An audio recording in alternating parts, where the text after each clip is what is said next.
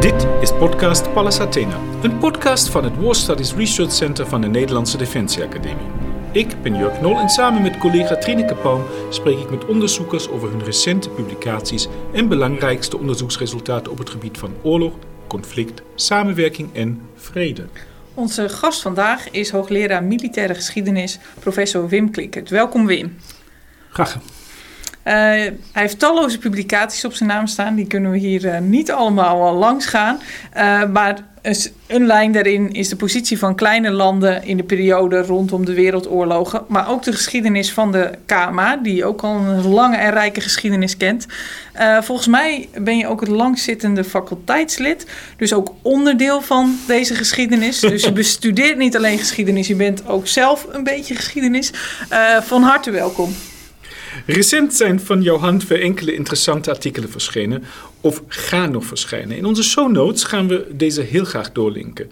De rode draad in jouw onderzoek is denk ik Nederland en de rol die neutraliteit daarin heeft gespeeld. Ja, dus dat is eigenlijk waar we het uh, met je vandaag uitgebreid over willen gaan hebben. Die neutraliteit van Nederland. Uh, dus misschien eerst maar gewoon even beginnen. Neutraliteit. Ja. Wat betekent het? nou, dat is al een hele moeilijke vraag. Daar hebben we al een, veel tijd voor nodig. Goed hè? Um, ja, neutraliteit. Als ik in, in, in algemene zin is het een begrip, denk ik dat, uh, waar we eigenlijk helemaal niet zoveel over weten. En dat is gek, want uh, het heeft meer dan een eeuw de basis gevormd voor ons veiligheidsbeleid. En ik denk dat we nog wel op allerlei manieren daarmee uh, mee verbonden zijn. En het bestaat natuurlijk ook gewoon nog steeds. Um, niet in Nederland, maar in andere staten. En bovendien heeft neutraliteit een soort slechte naam, denk ik. In de zin van, ja, wij waren neutraal vroeger. Nou, dat leidde tot niet grote successen in mei 1940. En we zijn er ook wel snel op onze schreden teruggekeerd om een bondgenootschap aan te gaan. Maar dat is toch wel veel slimmer als keuze voor een kleine staat. Nou, dat bestrijd ik. Um, niet alle elementen van wat ik net zei bestrijd ik. Maar in ieder geval de, dit kort door de bocht redeneren is, is denk ik onjuist. En bovendien viel het me op dat die, hele, die neutraliteit eigenlijk in de Nederlandse geschiedenis al heel weinig bestudeerd is. En zeker het militaire aspect van die neutraliteit. Maar neutraliteit is veel meer dan alleen het militaire aspect. Dus ja, want wat is, als het even voor de, voor de domme leek uh, zoals wij, uh, neutraliteit is dat je je niet verbindt met ja. een alliantie. Ja, neutraliteit, heel kort gezegd, is dat je gewoon verklaart uh, in het internationale. Uh, de neutraliteit bestaat alleen als er ergens oorlog is, want anders ben je eigenlijk niet neutraal. Uh, dat je zegt: wij doen niet mee. Wij zijn in deze oorlog uh, geen partij, wij kiezen geen partij. Um, en dat kan heel verstandig zijn, bijvoorbeeld om economische redenen, zodat je dus handel kunt drijven met, uh, met, alle partijen, uh, zodat je niet bij die oorlog betrokken raakt. Nou, daar kunnen ook heel veel goede redenen voor zijn om dat niet te willen. dus dat is eigenlijk heel kort door de bocht de kern van de zaak. Ja, in Nederland werd in 1840 werd dat ingevoerd of ja, wat was de context van dat dat begon in Nederland? Nou, dat is op zich al een hele mooie, want eigenlijk is dat heel vreemd. Uh, ja, de afscheiding van België, kort voor, daarvoor vindt dat plaats. Nederland wordt een kleinere mogendheid, uh, in ieder geval op het Europese continent, en moet dus ook een nieuw veiligheidsbeleid ontwikkelen. Het bleek namelijk dat steun van bondgenoten met die Belgische opstand uh, kwam er niet. Hè. De, de Engelsen deden niks, de Russen deden niks, niemand deed wat. We stonden er alleen voor en het ging dus fout een beetje een rode draad in de Nederlandse geschiedenis hoor. We staan wel eens meer alleen voor. Um, en toen is er eigenlijk, neutraliteit voer je niet in. Hè? Uh, neutraliteit, ja. dat ben je als je zegt dat je het bent. Daar houdt het mee op. Want uh, zeker in die tijd was het niet omschreven. Um, je zou kunnen zeggen, het is een juridisch begrip, maar zo sterk waren die juridische regels toen zeker nog niet. Dat gebeurt pas later, zo begin 20e eeuw. Een beetje. Uh, dus neutraliteit ben je eigenlijk voor een deel uh, als je zegt dat je het bent. En dus iedere keer als er in de wereld ergens een oorlog uitbrak, al was het in Midden-Amerika, maakt niet uit, dan stond er in de staatscourant wij zijn neutraal. En het belang daarvan was voor de scheepvaart en de, en, en de handel. Dat, dat betekende namelijk dat Nederland uh, een neutrale vlag had. En dus overal met alle partijen, waar ook ter wereld, of ze nou in oorlog waren of niet, kon handelen. Dus daar zat een economisch belang, zat daar zeker achter. Um, en zo langzamerhand zie je dat dat woord neutraliteit een beetje begint te leven. Maar het is, um, het is nog he helemaal niet vast omschreven. Dat is het eigenlijk nooit geweest. En dat maakt ook dat er talloze soorten neutraliteiten bestaan. En dat ook door de Nederlandse geschiedenis heen die neutraliteit voortdurend verandert. Ja, vertel. Uh... Nou ja, het, het, begint eigenlijk vooral uh, economisch. En uit het idee dat, je, uh, dat Nederland niets te winnen heeft. Wat hebben wij te winnen met een oorlog? Eigenlijk alleen maar te verliezen. Wij zijn in feite te klein om zelfstandig een oorlog überhaupt te kunnen winnen. Dus, uh, en, oh, en, willen niet de, prooi worden van andere landen, in de zin een speelbal van andere landen. En dat geldt zowel voor ons eigen land in Europa, maar ons koloniaal bezit ook. Wij zijn te klein om ons eigen koloniaal bezit te kunnen verdedigen. Dat hebben we omdat de Engelsen ons dat toestaan. Nou, dan is neutraliteit een mooie oplossing daarvoor. Um, en bovendien zie je dan in de loop van de tijd dat daar steeds meer aan opgehangen wordt eigenlijk. Bijvoorbeeld het idee, wij zijn een kleine staat. En daarom past dit denk ik ook heel goed in het denken over kleine staten en veiligheidsbeleid van kleine staten. Wij zijn een kleine staat en wij willen eigenlijk onze onafhankelijkheid van handelen zoveel mogelijk bewaren. Mag ik daar meteen eventjes uh, toch maar, nou ja, met gestrikt been ingaan, hebben we gezegd, doen we niet in deze podcast, maar ik probeer toch eventjes. Als ik nu, ik heb recentelijk nog de uh, recente biografie gelezen over John F. Kennedy, althans het eerste deel, en zijn vader Joseph P. Kennedy was een grote voorstander van neutraliteit vanwege exact dezelfde argumenten die eigenlijk Nederland had. Wat hebben wij als Amerika, een heel groot land, te winnen? Ja. Um, bij dus. En, en we hebben veel te verliezen, namelijk onze handel. Ja. En, en, dat was ook zijn argument. Dus is dit eigenlijk een concept van kleine staten alleen maar? Heel goed dat je, dit, uh, dat je dit opbrengt, want dat is inderdaad niet zo. En in de 19e eeuw zeker niet. Engeland was heel vaak neutraal. En denk maar eens aan de oorlog om de Duitse eenheid. De grote mogendheden van Europa bleven neutraal. De Russen grepen niet in, de Engelsen grepen niet in. Uh, in de Frans-Duitse oorlog bijvoorbeeld. Dus neutraliteit in de 19e eeuw was absoluut niet iets van kleine staten. Dat konden grote staten ook zijn. Je ziet eigenlijk pas aan het eind van de 19e eeuw, als er blokvorming gaat ontstaan en allianties die langzamerhand steeds vastere vormen gaan aannemen, dat het de kleine staten zijn die als neutrale daartussen blijven zitten en hun veiligheid dan daarin zoeken, in de angst, um, ja, niet, niet uh, als het ware willen niet meegaan uh, daarin. Maar dat is, dat is, dat is zeker waar. En we, we associëren het met kleine staten. En dat is inderdaad niet helemaal terecht. En, Amerika is een prachtig voorbeeld, zowel in de Eerste als in de Tweede Wereldoorlog. Natuurlijk in eerste instantie neutraal was. Amerika is ook weer een mooi voorbeeld dat je kan zien dat je neutraal kan zijn en toch nog heel veel wapens kan leveren aan landen die wel oorlog voeren. En dat is ook weer dat uh, interessante van neutraliteit. Je kan er dus van alles onder, onder laten vallen. Ja, want je zegt uh, voor Nederland was dus die economische neutraliteit. Dat is eigenlijk hoe het begon. Ja. En, en een soort centraal uh, onderdeel. Maar er wordt veel aan opgehangen. Ja. En dat militaire neutraliteit, ja. hoe verhoudt zich dat nou, ertoe? De vraag is dan uiteindelijk... Kijk, um, dan hebben wij nog ook nog, ik maak het even nog een heel stikje ingewikkelder, maar uh, even heel kort. Als, je, als je het maar simpel houdt. Ja, ja, ja, het, het, het, is ingewikkeld, maar toch duidelijk. Um, je kunt neutraal, neutraal zijn als gevolg van een internationaal verdrag.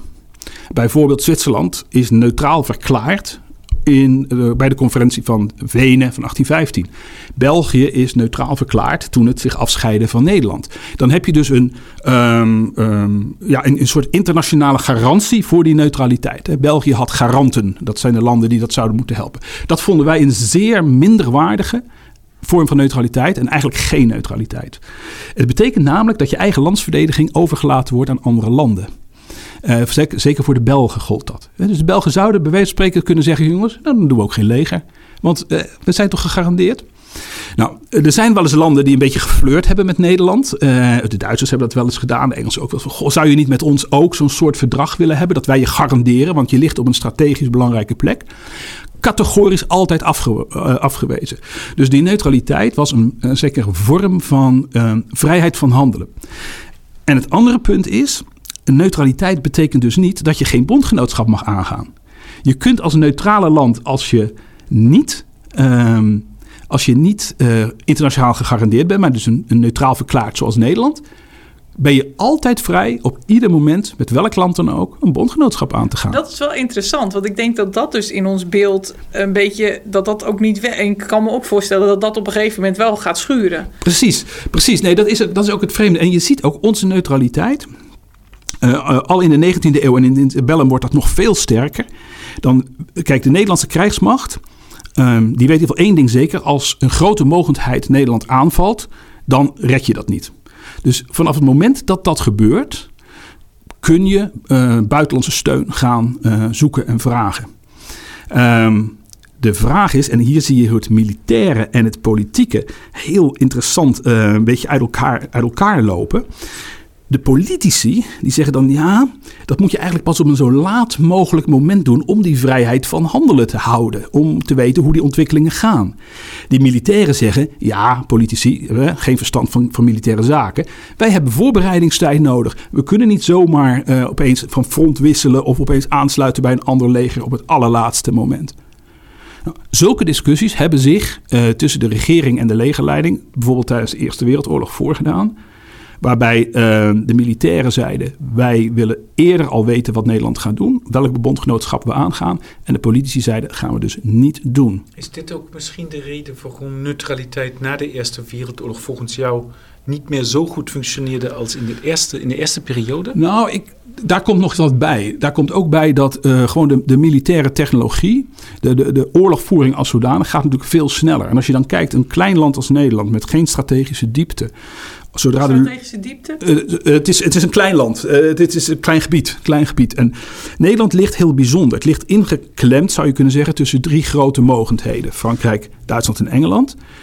Um, en dan kun je, daar kun je een aantal conclusies uit trekken. Tenminste, daar, zeg, nou, um, in theorie zou dat Nederlands grondgebied voor alle drie van die landen interessant kunnen zijn. Uit strategische overwegingen. Het is monden van de Rijn, Maas en Schelde. Nou, het is een interessant gebied. Beheersing van de Noordzee, noem maar op. Dan kun je zeggen oké, als dat zo is, dan, houdt dat, dan houden die drie elkaar wel in evenwicht. Ze gunnen het elkaar niet, dus wij hoeven niet zoveel te doen. Dus wij kunnen met een, met een kleine krijgsmacht toe. Anderen die zeggen van nee, dat betekent juist dat je een grote krijgsmacht moet hebben, omdat je moet voorkomen dat ze het doen. En, dat, en je moet grote mogendheden nooit vertrouwen. Dat is echt een, een rode draad door het Nederlandse uh, beleid in deze periode. Grote mogendheden, er is altijd recht, uh, macht boven recht. Dus je moet zorgen voor een krachtige krijgsmacht voor die, um, uh, voor die afschrikking. Neutraliteit leidt in Nederland dus tot, hè, want die winnen deze discussie eigenlijk, uh, en dat vind ik wel interessant, leidt tot een grote krijgsmacht. Tot een, tot een, wij denken wel eens van we stellen militairen zien niet zoveel voor. In aantal is dat natuurlijk ook zo. Maar voor wat het land opbrengt, uh, tot aan de Eerste Wereldoorlog toch zeker 25% van de staatsbegroting gaat naar defensie, zo ongeveer. Dat kunnen we ons nu niet echt meer voorstellen. Maar goed, er was nog geen. Hoeveel, dan hebben we het over de omvang in de zin van. Ja, we hebben het over 200.000 man die ja. opgeroepen konden worden in de Eerste Wereldoorlog en 300.000 in de Tweede Wereldoorlog. Dat is natuurlijk bij de miljoenen legers om ons heen heel weinig. Um, maar het gaat er maar even om hoe je, hoe je daar dus in staat. Uh, en die conclusie dat neutraliteit in het Nederlands idee uh, met een, laat ik zeggen, relatief uh, grote krijgsmacht samengaat, is niet een, uh, iets wat andere landen, andere neutrale landen uh, ook zeggen. De Denen bijvoorbeeld, om eens een voorbeeld te geven, die doen dat helemaal niet. Die hebben maar een heel klein leger. Die zeggen we zijn neutraal. Um, de Zwitsers hebben ook helemaal niet zo'n groot leger. Dus um, onze conclusie is een typisch Nederlandse. Volgens mij één klein, één klein voorbeeldje om dat aan te tonen. In de Eerste Wereldoorlog zijn wij gemobiliseerd. Dat doen de andere neutrale landen ook. Wij zijn het enige neutrale land in de wereld dat zijn leger vier jaar lang op volle sterkte gemobiliseerd houdt. En dat zegt ook wel iets. Geen enkel ander land doet dat. Maar, maar volgens mij viel dat niet helemaal in goede aarde. Ik bedoel, in begin jaren twintig, um, ik herinner me aan, aan, een, aan het debat, het begrotingsdebat, dokter Struiken die dan uh, heel fier de neutraliteit verdedigde en riep zelfs nog van dat het een heilige plicht aan het worden was. Dus het leek al veel meer hè, een mm. traditie te zijn. Maar tegelijkertijd was men niet meer bereid om echt goed te investeren in defensie dacht de Nederlandse politiek en de Nederlandse bevolking eigenlijk, met name na de Eerste Wereldoorlog, nog zo? Ja, ja het is heel goed dat je dit zegt, want dat geeft juist de, de complexiteit en veranderingen van dat begrip aan en wie, over wie je het hebt ten opzichte van dat begrip.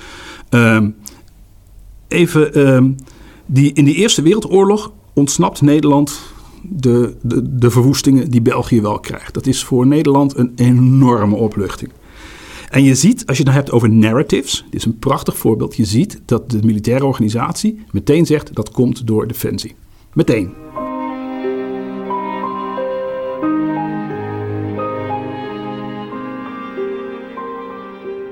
Op 1 augustus 1914, drie dagen voordat de Duitse legers België binnenvallen, worden ruim 200.000 Nederlandse mannen gemobiliseerd.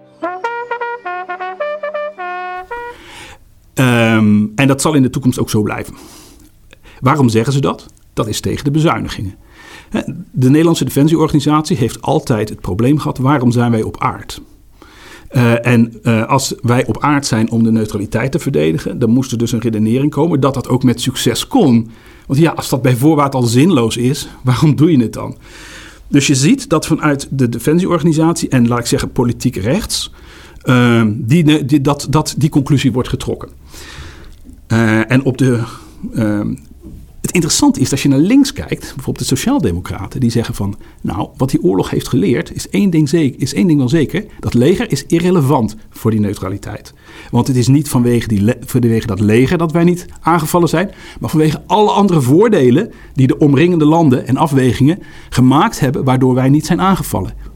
Eerlijk gezegd denk ik dat zij dichter bij de waarheid zijn dan het eerste narrative. Dus die, de Sociaaldemocraten en wat andere mensen zeggen van ja, we moeten dus uh, moeten ermee ophouden. We moeten onze veiligheid eigenlijk op andere manieren proberen te, uh, te verzekeren. En welke voordelen wagen dat dan? Um, bijvoorbeeld uh, het, van een, uh, het voordeel van een buffer hebben als het ware tussen strijdende partijen. Enorme informatiepositie, dus een, een intel-voordeel zou je kunnen zeggen. voordeel van opvang van vluchtelingen en allerlei andere mensen die, die over de vloer kwamen. Het voordeel van uh, een neutraal staat zoals we wel kennen, ook van Zwitserland, die allerlei humanitaire uh, diensten verricht. En eigenlijk ook hetzelfde wat je vaak ziet, dat het meer moeite kost dan uh, om het land te veroveren, dan om van de, uh, en te bezetten en met alles wat dat kost. Hè, terwijl je al eigenlijk balanceert op, op, op je kunnen, maximum van je kunnen, dat je beter dus ehm, dat niet kan doen en dat land maar gewoon dingen kan laten doen via een andere dwang. Hè, bijvoorbeeld economisch, da daar worden wel degelijk de duimschroeven aangehaald rondom Nederland, um, om op die manier van, van Nederland te profiteren. En als je het hebt over Duitsland bijvoorbeeld ja, precies. Daar wil ik op, uh, op aanhaken. Van wat is dan, hoe kijken nou die, die relevante, die drie grootmachten dan naar Nederland? Is dat inderdaad ook het verhaal van uh, die buffer, intel, opvang en we pakken ja. ze op een andere... Hoe, hoe, uh... Ja, ik denk in de, in de Eerste Wereldoorlog wel. er zijn eigenlijk heel... Het, het, interessante is, er zijn wel wat aanvalsplannen, zowel van de Engelsen als van de Duitsers, op Nederland. Maar het zijn er eigenlijk helemaal niet zoveel. En beide gaan ervan uit, en dat is het interessante, dat eigenlijk de Nederlandse krijgsmacht is daar volledig irrelevant in. Het gaat om, gaat een ander land eerst doen, hè, is het preventief of preemptief vast. Dus de Duits, in die Duitse plannen staat, wij gaan dat pas doen als we zeker weten dat de Britten uh, al, bij wijze van spreken, al in hun schepen zitten. En andersom, uh, de Britten gaan pas als het zeker is dat de Duitsers aanvallen. En aangezien dat dus niet gebeurt en aangezien... Eh, kijk, in Den Haag kwamen Britten en Duitsers allemaal bij elkaar. Want in een neutraal land zijn politieke en militaire vertegenwoordigers van de, van de strijdende partijen allemaal aanwezig. En de Nederlanders zelf ook. Nou, en wat de Nederlanders dan doen, is voortdurend en voortdurend tegen die, uh, uh, diplomaten en militairen zeggen: vertrouw ons, wij kiezen nooit partij. Wat er ook gebeurt, wij kiezen nooit partij. Um, en dat leger, dat is op zich wel grappig. Dat wordt wel naar voren geschoven via de geïllustreerde pers, zelfs via film al. Dus er wordt een soort uh, uh, PR-campagne voor het leger gemaakt op allerlei manieren. Gericht ook op het buitenland. Om te laten zien, jongens, wij nemen het wel degelijk serieus. Um, dat, dat hoort eigenlijk allemaal bij dat, die hele complexe uh, neutraliteitshandhaving. Maar, maar, wacht eventjes. Nu had ik altijd het beeld dat Nederland van zichzelf had. Dat het een enorm vreedzame samenleving is. En op een of andere manier schets jij nu toch een iets ander beeld. Dat waarschijnlijk niet alleen ik heb gehad um, van Nederland. Is dit beeld dan terecht dat Nederland een vreedzame samenleving is? Ik denk dat Nederland uh, ten opzichte van heel veel landen een veel vreedzamer samenleving is dan andere. Maar dat er wel degelijk de, de bereidheid en ook wel de uitvoering is van, uh, uh, van hard overheidsingrijpen of ook um, militair ingrijpen. Ik vind het moment dat Nederland kiest voor een, uh, een groot leger, een relatief grote marine, een, een, zeer gewelddadige onderwerping van een koloniaal rijk. Laten we daar natuurlijk geen doekjes om winden. Dat is, daar wordt voortdurend heel hard gevochten. Um, uh, maar ook intern zie je dat uh, die keuze voor een relatief, hè, het is allemaal relatief natuurlijk, groot leger en, uh, en marine. Hoewel vanuit militaire zijde natuurlijk altijd geklaagd wordt dat er te weinig is.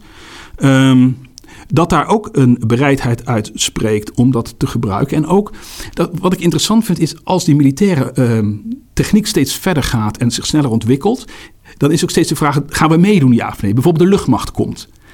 Nou, dan is er een Nederlandse minister die zegt gelijk: dat is goed, daar gaan we in investeren. De linkse partijen zeggen: kijk, dit is nou militair hobbyisme. Laten we nou deze, dit is aan ons voorbij laten gaan. Hier hebben we gewoon helemaal niks aan. Laten we, laten we gewoon geen, niet beginnen met een luchtmacht. Dan hoeven we ook niet daar weer voortdurend allerlei militaire wensen te accommoderen. Natuurlijk, die laatste mening haalt het niet. Maar dat hij het niet haalt, vind ik dus interessant. De meerderheidsopinie, politiek, het komt er wel. En er wordt wel geld voor vrijgemaakt. Uh, en het, laatste punt is dat je ziet dat neutraliteit, en dat vind ik ook een heel interessant aspect, ook binnenlands uh, speelt. Het, het vereist namelijk uh, dat je. het is een koppeling tussen externe en interne veiligheid. neutraliteit vereist namelijk ook gedrag van je burgers. Je, je, burgers kunnen neutraliteit in gevaar brengen. bijvoorbeeld door persuitingen, door economische, door smokkelhandel, noem het allemaal op allerlei manieren.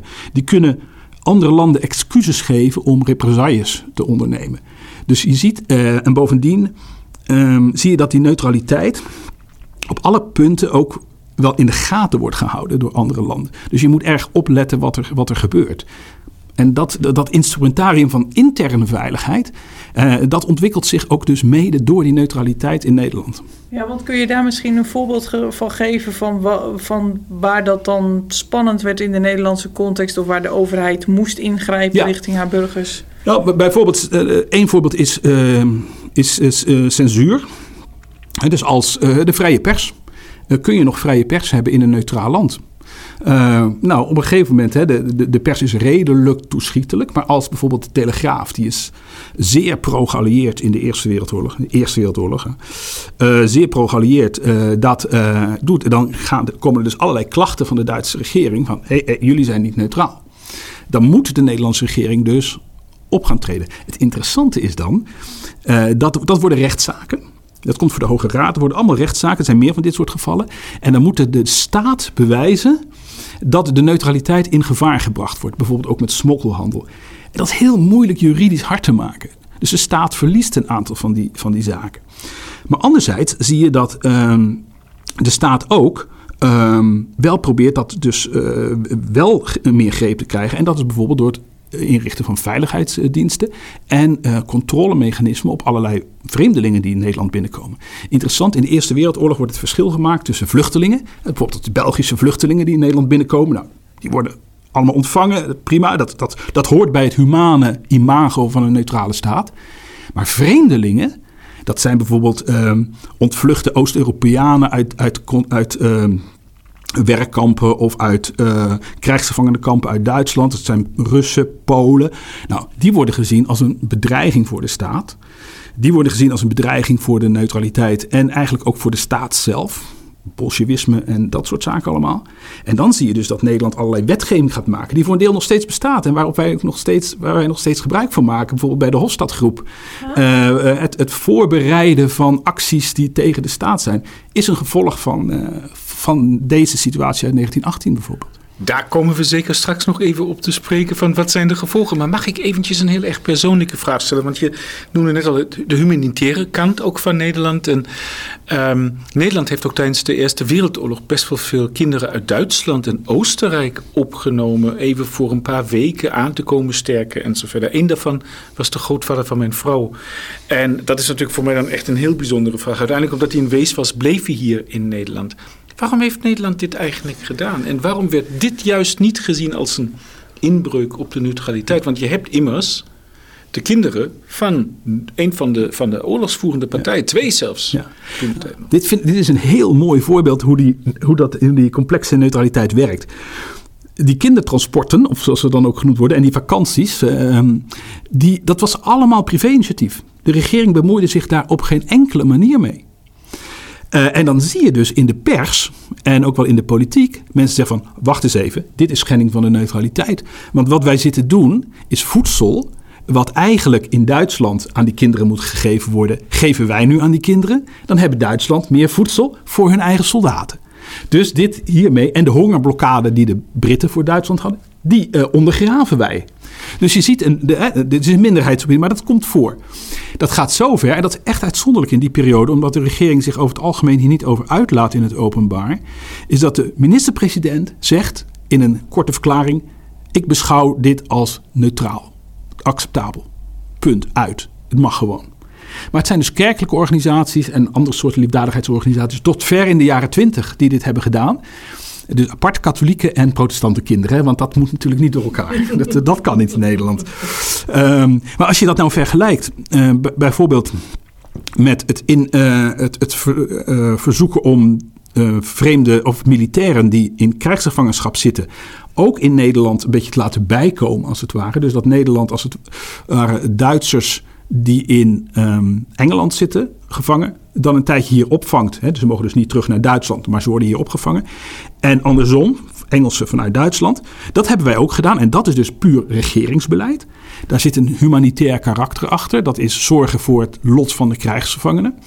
Uh, maar daar zit ook een politiek karakter achter. Als neutraal land betekende dat dat er onderhandelingen waren, dat er openingen waren tussen de strijdende partijen. En zelfs Nederlandse politici, maar ook, ook Duitse, wel geprobeerd hebben of uit die onderhandelingen in Den Haag ook wat bredere vredesonderhandelingen misschien te maken waren. Het is niks geworden. Maar uh, het laat zien. Uh, en Nederland was in diezelfde tijd met de Duitsers in onderhandeling over de levering van steenkool. Wij waren afhankelijk van de Duitse steenkool, omdat er in Limburg nog te weinig werd gevonden. Maar ja, die Duitsers hadden zelf ook heel veel nodig. Dus als wij een beetje aardig waren voor de Duitsers, maar niet zo aardig dat de Britten daar dan weer problemen mee zouden maken. Nou, dat, dat schipperen, daar zie je die neutraliteit in, in, in werking uh, gedurende die Eerste Wereldoorlog. En probeert Nederland dus um, naar buiten toe vooral het idee van humaniteit, internationaal recht. Dat is ook een element wat voortdurend terugkomt in het Nederlands denken. Dat heel sterk naar, naar voren te halen. Ja, want als je dan uh, zegt, nou op een gegeven moment wordt een soort uh, formeel afscheid genomen van die neutraliteit? Nou, eigenlijk niet. Nee? Nee, ja. nee dat, is, dat is juist gek. Je kan, je kan, nou, omdat, omdat je zegt, je, je bent het. Ja, je bent dus, het of je bent ja. het niet. Uh, kijk, eigenlijk op het moment dat je een bondgenootschap in vredestijd gaat sluiten. En dat doet Nederland in 1948 voor het eerst, de Westerse Unie. Dan zou je kunnen zeggen, dan is de neutraliteit ten einde. Eigenlijk zou ik, had de, de regering in Londen al lang afscheid genomen van die neutraliteit vlak na de Duitse inval. En de verdediging van Nederlands-Indië was ook samen met uh, de Amerikanen en de Britten hè, in 1941, 42. Dus die neutraliteit die was eigenlijk al, uh, al weg. Die neutraliteit krijgt um, uh, al heel snel na 1940 um, een, een, heel, een, een slechte naam. Nou, het, het, hele bijzondere van, van die laatste periode is natuurlijk ook dat in al die tijd daarvoor uh, waren eigenlijk de, laat ik zeggen, de potentiële vijanden of potentiële vrienden, hoe je het noemen wil. Een neutraal land heeft geen vijanden, maar ook geen vrienden. Uh, de, de Britten, de Duitsers of de Fransen, want daar ging het dan eigenlijk om. Dat verandert eigenlijk in die zin in de, in de jaren dertig een bondgenootschap, wat voor manier dan ook met de Duitsers, was natuurlijk niet in vragen. Dat was. Uh, en, en die situatie was er nog nooit geweest daarvoor. Het was altijd mogelijk dat Nederland die vrijheid van handelen had. Maar een bondgenootschap met de Duitsers. Dat, uh, dus, en dat betekende ook dat die neutraliteit in feite, en zeker eind jaren 30, uh, gericht was op een Duitse inval. Al, eigenlijk alleen maar op een Duitse inval. Hoe neutraal ben je dan nog?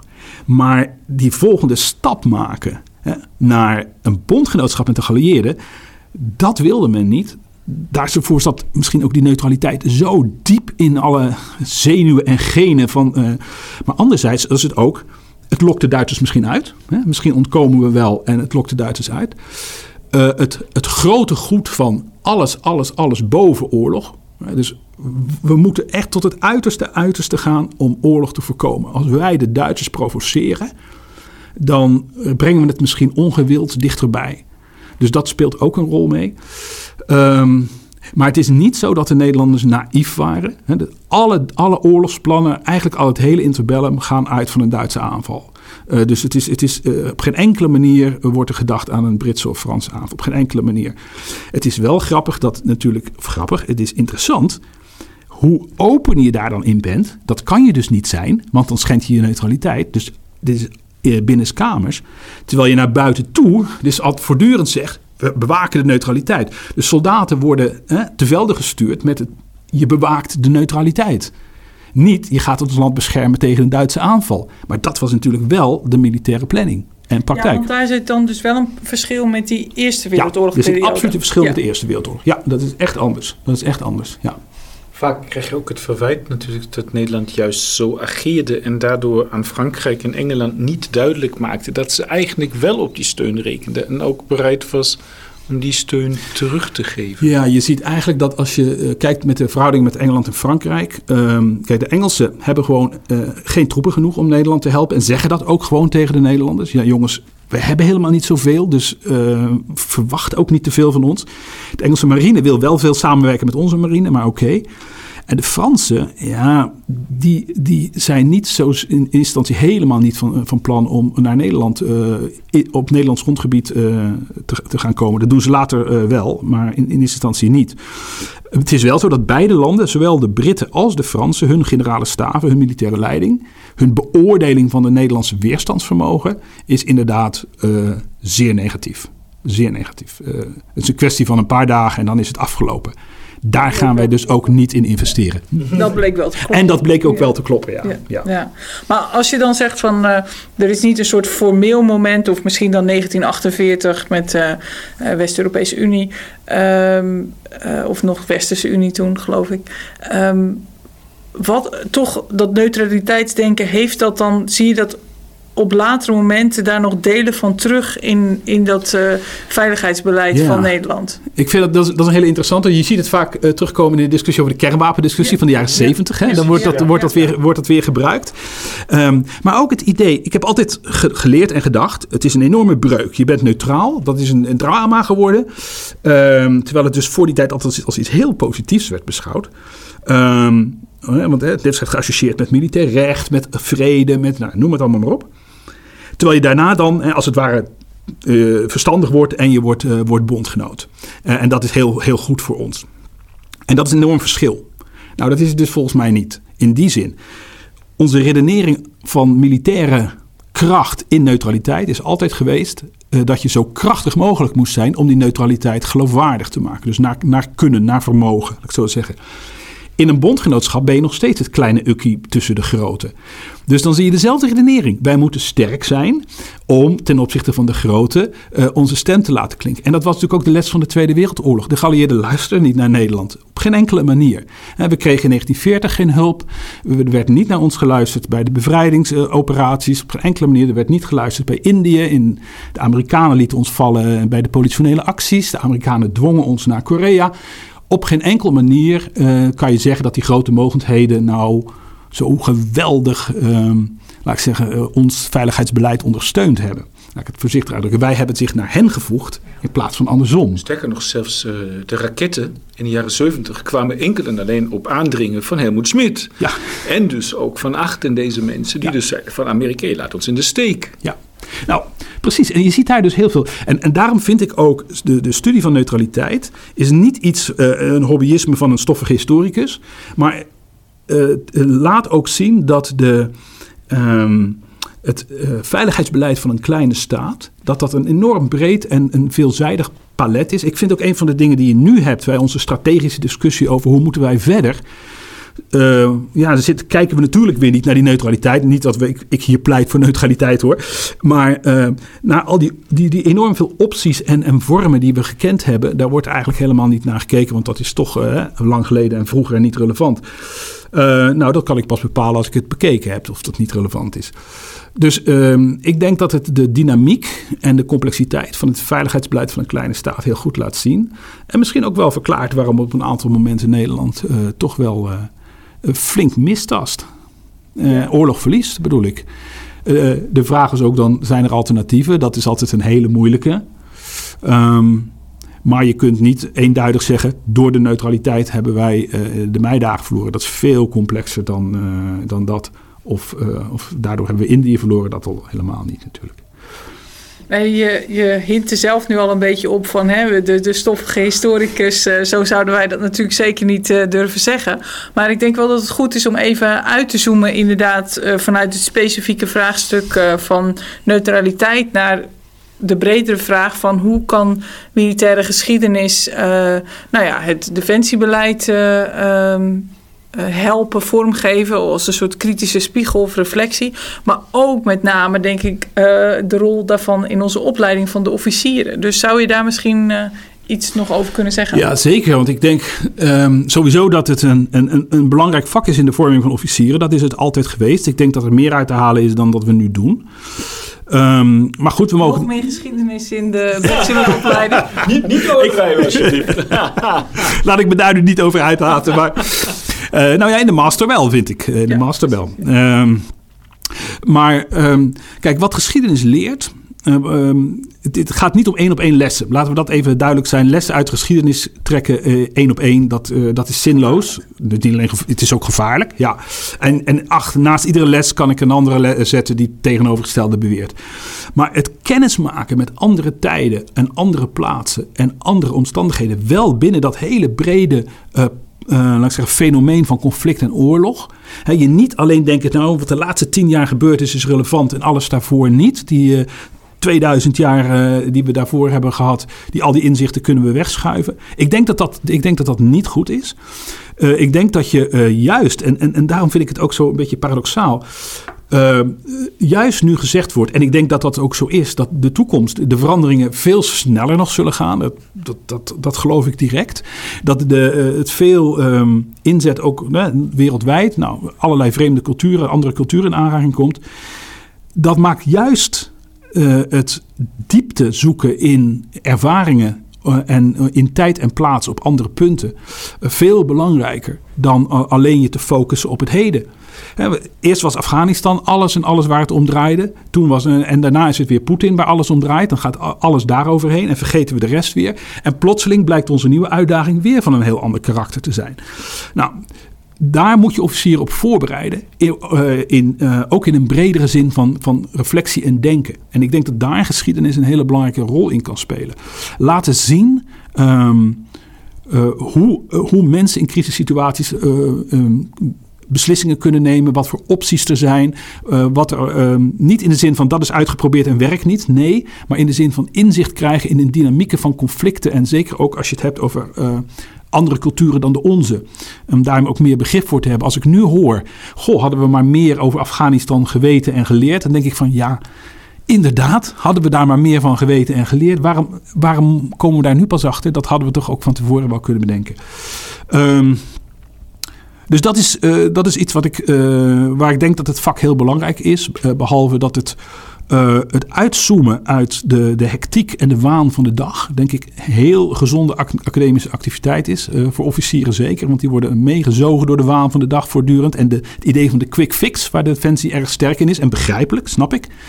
Maar de, de kwaliteiten van die quick fixen, die kunnen volgens mij beter als je ook wat dieper en ruimer um, meedenkt uh, en, en, en, denkt en, en nadenkt.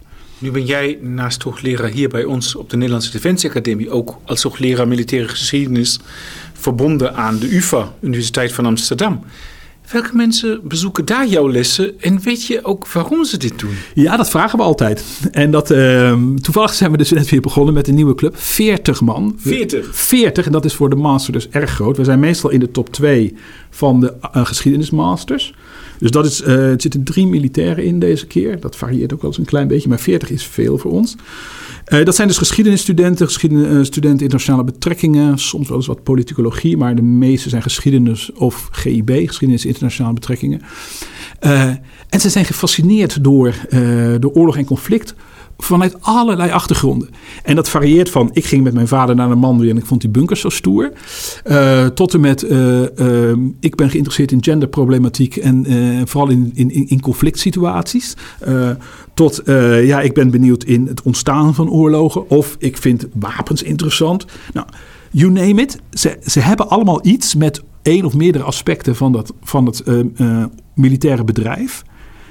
En nou, een studie die dus niet bestond toen ik studeerde. Deze master, deze hele vakgebied bestond in Nederland academisch niet toen ik studeerde. Zie je nu eh, echt een vaste plaats verworven hebben. Um, nou, er druppelt ook zo nu en dan een eentje door hier naar de korte opleiding. Dus die, die gaan uh, bij, Defensie uh, werken. Een aantal gaat onderwijs in. En de meeste komen waar, waar, ja, waar geschiedenismensen komen. Dat is heel erg breed. Uh, dat kan journalistiek, dat kan voorlichting, maar dat kan ook iets heel anders zijn. Ja, want je hebt hier dan de geef je natuurlijk les in de bachelor en daar Ja. in de master. Dus daar Ja. zit natuurlijk een verschil tussen. Absoluut. Maar kun je iets zeggen? oh, zijn het echt andere populaties? Dat Ja. je zegt er worden andere vragen gesteld? Of, eh, Ja, het zijn, het zijn echt- andere populaties. Dat is heel erg leuk. Want de, de militairen, dat zijn er vaak niet zoveel, maar die vallen dus heel erg op. Eh, ze zijn veel onbevangener. Ze weten natuurlijk over het algemeen veel minder over de militaire organisatie, maar zijn wel geïnteresseerd. En wij kijken natuurlijk echt puur vanuit een historische blik. En dat doen we hier natuurlijk niet. Eh, je kijkt hier steeds toch veel meer naar de, ook de praktische toepassing. En, en, eh, eh, en ik denk dat het verschil is als je kiest voor een officiersberoep of als je kiest voor een academische studie geschiedenis. Dat, dat, dat dan sta je toch iets anders in het leven, zeker als je dan al in de massa zit. Ja, en de, de vragen zijn veel gevarieerder. En zoals ik al zei, dat, dat loopt van, eh, eh, van, van genderachtige eh, nou, elementen die nu ook bijvoorbeeld bij, bij conflictstudies voorkomen. Invloed van klimaat, invloed van, van technologie tot en met ja, veteranenzorg. Al dat soort dingen, daar komen ze allemaal eh, wel mee. Echt heel erg gevarieerd. En we zien dat ook aan de scripties. Er zijn eigenlijk relatief weinig scripties waarin echt gevochten wordt. Dat zijn er maar een paar eh, van die, de 30 dan die een, aan nu dan 40 die een scriptie maken. Dus het is echt heel breed, maar er is altijd een aanraking met eh, conflict en oorlog in het verleden. En neutraliteit? Zijn er mensen die nog vandaag de dag denken van neutraliteit zou allicht kunnen werken? Zou neutraliteit nog kunnen werken? Ja, dat ligt natuurlijk helemaal. Kijk, Ja, ja, ja, ja, ja, kijk. Studenten, maar wat, wat Nee. zou jij nou?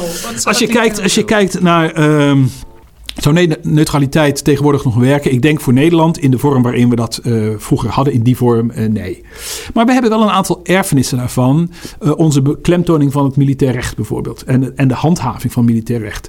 Is iets wat wij als, als land echt terug te voeren is op de neutraliteitsfase. Want het militair recht is een verdedigingslijn van een neutrale staat.